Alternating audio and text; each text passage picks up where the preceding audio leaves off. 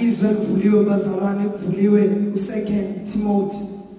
Chapter 4 uverse 1 kuya kuverse 3 Mpostoli uPaul obhala lencwadi lena. Mpostoli uPaul lencwadi uyibhala esejele esebona ukuthi indlela yakhe seya ngokuphela mengabe ibhala lencwadi lena into angayifuni ukuthi umsebenzi kababa uNkulunkulu yena esishumayele kangaka. Uvele nje uphelele ezandleni zakhe kungabi bikho umuntu azomvusa athi mina mengabe sengifa nango ozoshumayela. Uthi verse 2 shumayela izwi uqinise noma kuyisikhathi noma kungesiso njengoba ngishumayela la akuwona umsebenzi wami ukushumayela it's not to threaten abazalwane ukuthi bangene ebanzeni bebandleni. Amen. Asithreatenishi la asinisabisi la but ukukhombisa iqiniso lika baba uNkulunkulu ukuthi sikhuluma ukuthi ufikile la naye. Wenza izinto zenzeke. Ufikile uJesu bazalwane kwabalambileyo wathi ngiyisinkwa ufikile kwabomileyo wathi ngidinga amanzi. Wathi mina ngingamanzi amen. Ufikile kunalabo besebelahlekelwe ithemba waba yilona. Ufikile bazalwane kubo bonke nalabo bangaboni babona ngaye. So ukuthina lento ikumina as the preacher ukuthi nginikhombise iqiniso lika baba uNkulunkulu. Nginikhombise into nami ngingakaze ngiyibone. Hey ibhlungu lapho.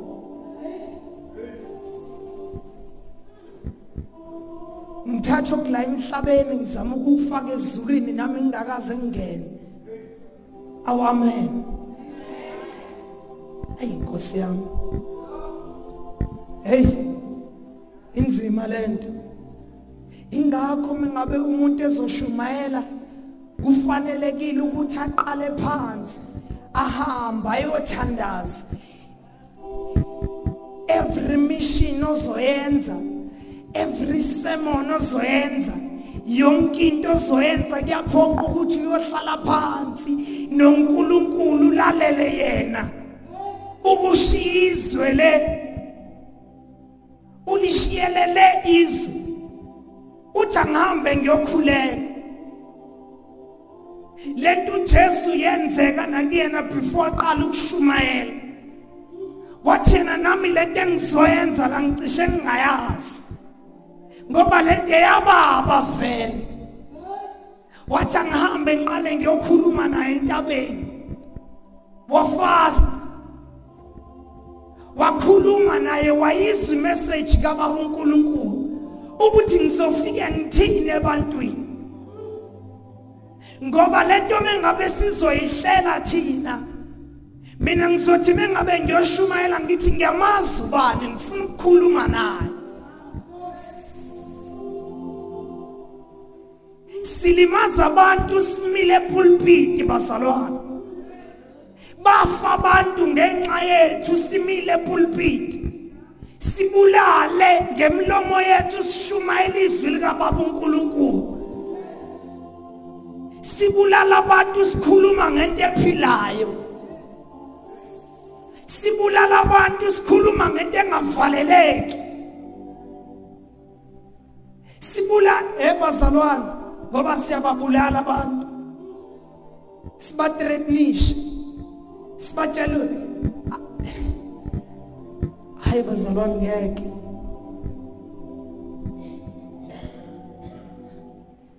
Siyababulala ngamazwi wethu. Okwethu ukuthi sishumayele iqiniso. Shumayela iqiniso noma lingathandeki. Shumayela iqiniso noma lithandeka angike ngithi nje bazalwane ngike ngakhuluma noma einsukwini bekade ngishumayela emlindelweni. Ngakhuluma noma wathi uma hey kunezinto engafanele uzikhulume ngoba lezo zinto ziyokusondisa ngabantu. Uthole abantu sebengasakukhulumisi. Ngenxa yoleyayo lento le. Kodwa ngathi mengabe ngiyibheka lento ayishoyo ukuthi hayi mengabe sengila anginandaba nokuthandwa abantu. Amen. Ngoba lento ekuthiwa ukushumayela ukukhuluma iqiniso. Limnandi noma lingekho mnandi. Ey ngempela ngoba yilo lodwa elikhulula umuntu. Kuthi noma udecide ukuhamba ebandleni ngoba umfundisi useshumayela iqiniso uhambe kodwa uyohamba ulazi. Uyothi uhamba la endleleni nje ibibhizi lento imemeza ithi kodwa watshela. Watshela. Ngoba bayaphuma mengabe sesishumayela iqiniso. Bahambe. Bahambe.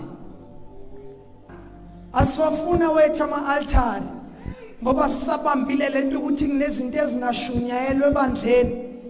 Kunezinto engamele sishumayele ngazo. Ngoba engashumayela ngazo khona ozoncama eh siyashumayela bazalwane. Umsebenzi wethu ukushumayela.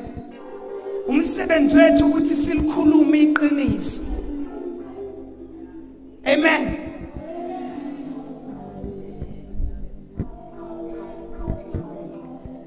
Kushumayela bazalwane ukukhuluma ilanguage engayona yala kodwa sizama ukuyi ukuthi abantu sibenze ukuthi ba understand le language le esikhuluma noNkulunkulu nathi. Okwethu ukuthi sibiza abantu. Mm okwethu ukuthi sikhuluma ilanguage engayona yala kodwa ngokushumayela kwethu sizame senza abantu baye understand lento esiyikhulumayo noma kunzima kona. Kodwa sizame ukuthi sibenze siba understand ngoba kunabantu abazofika bathi mina ngenza ukuthi kodwa izwi likababa uNkulunkulu lingayivumeli leyo nto. Uzama ukuthi umuntu umtshele ukuthi hayi shiya lokho kwakho. Ha bazalwane inkinga isekushiyeni kakhulu. Yabo ikushiyeni mengabe sokuthi shiya umuntu uthi ha kanti ubani lo Jesu? Ufuna ukumazi shiya. Ufuna ukumazi? Shiya lokho kuphethe shiya lokho kuphethe awu amen. Ngoba njengoba usaphethe lokhu nje uzokuconfuseke sanda kubusisa. Ungathi ngibongephi? Ngiyokuqa noma hayi abazalwane. Ah nkosi yami. Ngoba njengoba sikubambe kosokowu nje siyanxusa ngapha sizonxusa ngala. Sinxuse ngala siphinde sinxuse futhi ngala. Bese mengabe sesifika isibusiso asazi aphi ngoba mengabe ah Nkosi yami sibonga endaweni errong abasangizwa basawusho amen. Bazophuma bengahehe awu amen. Asazi asazi ukuthi sibonga ngalaphi. Asazi ukuthi sibonga ngalaphi. Awu amen bazalwane. Uwana bazalwane wake wakhuleka endaweni eyi-1 each and every day engakhohlwa. Ehambe yakwelakhe ialtar afika liguqele. Akhuleke alethe nomnikelo. Kodwa kungekho lutho kwenzeka la empilweni yakhe. Aw amen. Kungekho lutho lishintshekayo e, e, e, empilweni yakhe ngiyacabanga babekhona nabanye ababemtshela ukuthi eyana kukhona ubaba ngale kukhona ubaba ngale hayi ugila izimanga mongase nje uye ne1000 wena ne1000 nje uye nalo uliphethe ngesandla. Amen. Ngishiyile ialtare lami ebengifika ngiguqe ngingakhiphi nesent ngaya kwelinye ialtar. Engithi mengingakaguqi ngibeka i1000 bese kube kuyimanxa ngiguqa lelo altare lela ligarantile ukuthi lizongenzela lento engifuna ukuyenza. Lelo altare nje liyahamba ngoba lichoma itende la lisuke la lichoma itende laphaya lisuke lapha. Lichoma itende le lisuke lapha. Kodwa siyeke i-altar esithi mengabe sesishayekile sibuye size kulona. Sikhipha i-1000 ngale ya sithi ngoba bokuhamba. Mhlawumbe ukhona umehluko abangawenza. Hayi lento eyenziwa umfundisi unxumalo ngoba umfundisi unxumalo nje okwakho ukuthi ame pulpit asishumayeze kuphela asishumayeze. Nalento ayishuma sishumayezayo yona asiyizwa.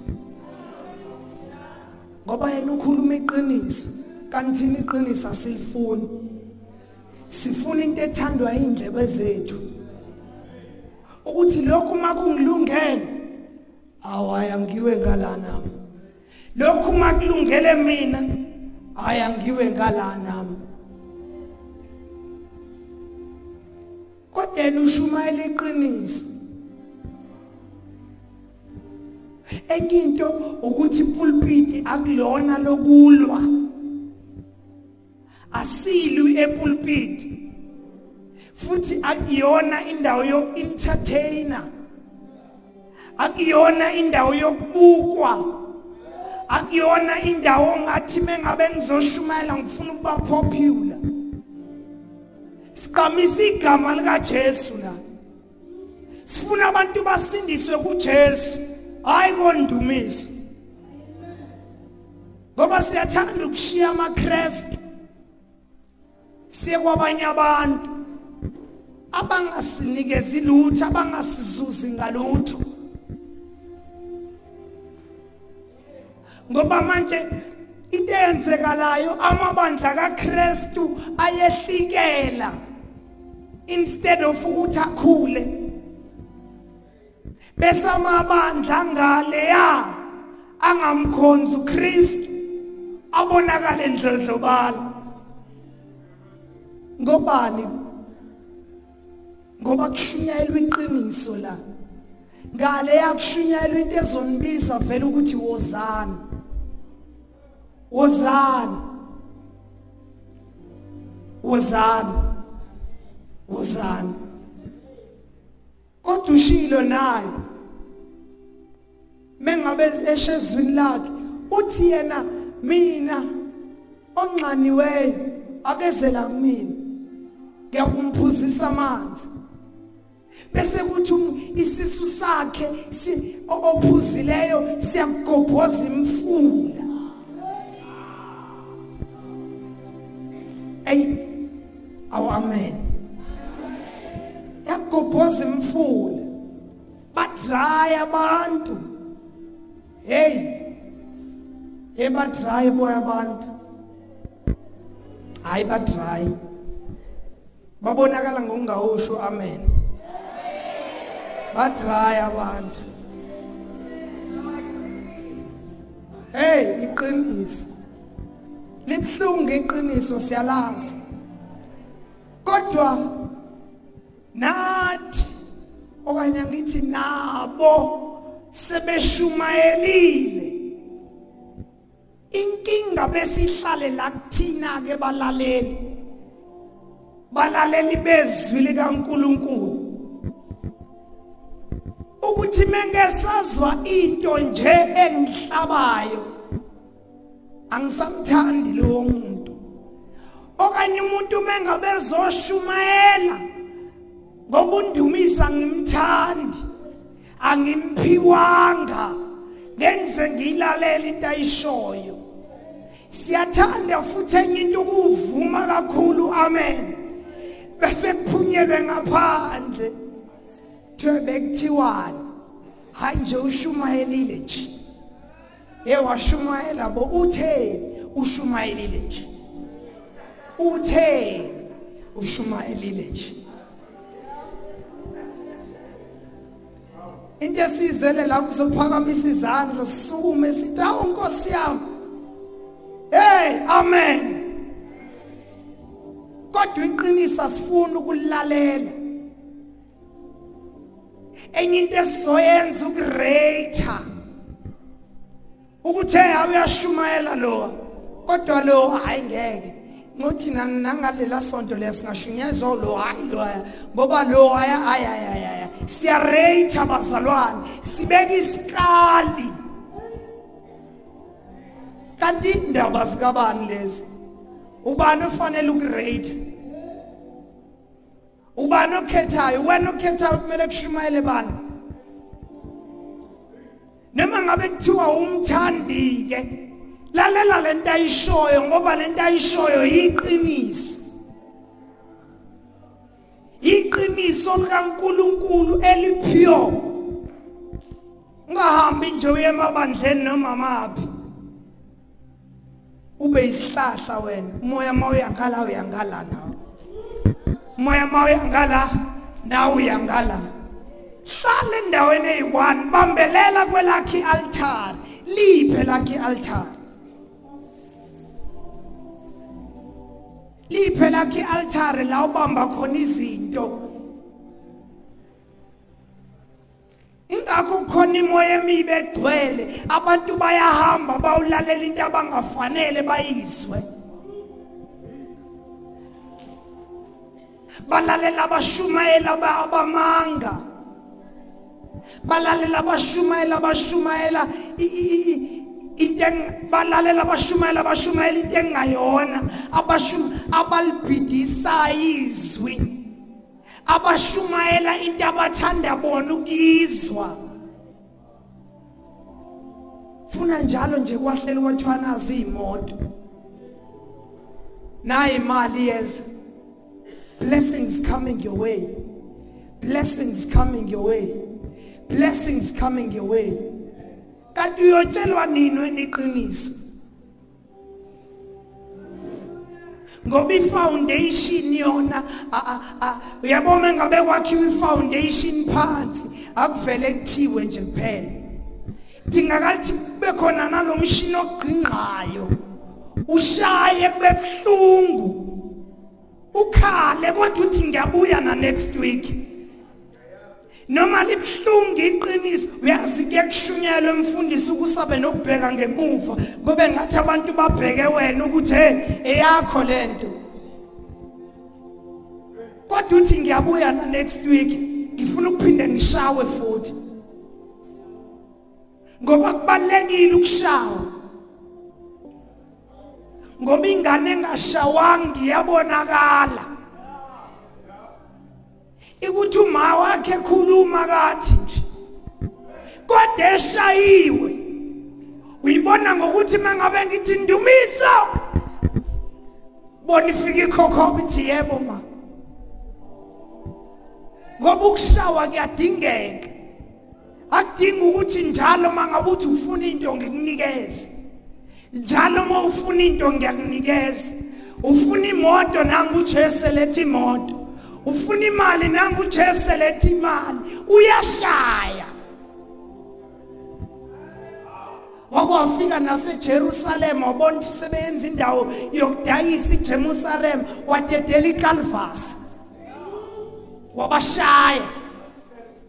Ngoba babesebeshintsha benza into benza ithempeli likaNkuluNkulu benza indawo yokuthandaza benza ialtari labantu benza indawo yabantu yokuphephela bayenza isitolo noma imakethe nje. Ngoba izwi likababa uNkulunkulu siyalijika silenze enye into noma indlu kababa uNkulunkulu siyayijika siyenze enye into. Uyabona ngabe eqine la ikushumayeleni uyabona ngabe kuthiwa iqina la ikushumayeleni kuthiwa kuthiwa iqina ifoundation. Because ngaphandle kokushumayela alikho ibandla ngoba nabo laba baphenduka badingakala ukuthi baqale bashunyayezwe. Ngashunyayezwa ngatshela iqiniso kwababuhlungu ngakhala. Kwabonakala ukuthi hayi ngeke.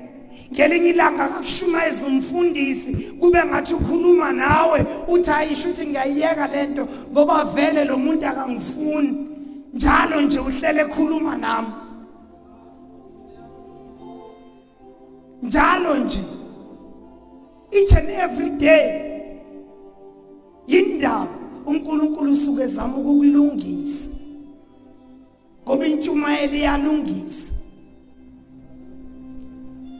Athi kuverse 3 ngokuba kuya kuba khona isikhathi abangayi kuvuma ngaso isifundiso esiphilayo kepha ngokwezinkani ngekuzinkanuko zabo baya ukuzibuthela abafundisi njengokuba njengokubatshwa kwezindlebe zabo. Sengivala bazalwane. Funa ukuthi uyabona njengoba nje sibaningi kanje la inkingithi umpostoli uPaul akayishongo lento kodwa uyayisho ngalo uJohn uthi uJohn bonke labo baye bebephuma la kuthini. Nalabo ababenu bengafuni ukuyizwa lento baye bebephuma la. Ngoba abantu abalifuni iqiniso. Umuntu akafuni ukuthi mengabe kushunyayelwa kuthiwe kushunyayelwa nangami. Umuntu nje into ayifunayo ukuthi kuhleli kushunyayelwa into engiyithandayo. Amen bazalwane. Ayasabi mengabe niphuma bazalwane. Shumayela iqinisa asinankinga mengabe nihamba niyakwamanye amabandla. Kodwa ukuthi la ekhaya la njengoba kwakhiwa ibandla ezophila ngentando kaNkuluNkulu kuyawuhlela kushunyayelwa iqiniso lakhe. Mekufanele ukuthi kushunyayelwe kuthiwe nazi imoto kuzoshiwa kodwa mase kufika isikhathi seqiniso siyeza futhi nasesikhathi seqiniso. Siyeza nasesikhathi seqiniso. So nje asizilungise nathi indlebe zethu. Ukuthi njalo mengabe siyenkonzweni asinje kuphela ukuyophakamisa izandla sithi haleluya amen. Kepha sisuke siyolalela izwi likababa uNkulunkulu siyosiyolalela inhliziyo yakhe. Ngelinye ilanga inhliziyo yakhe ikhuluma izinto ezimbi izinto ezizongabambeki nakuthini kepha sizama ukuthi zipholele ezandleni. Ngoba noma ngabe kuthiwa zishisa kangakanani kepha zisuke zifanelwe thina inhliziyo zethu ezisuke ezizolungiswa ingqondo zethu ezisuke ezizoshintshwa imizimba yethu nakho konke kwethu okusuke kuzoshintshwa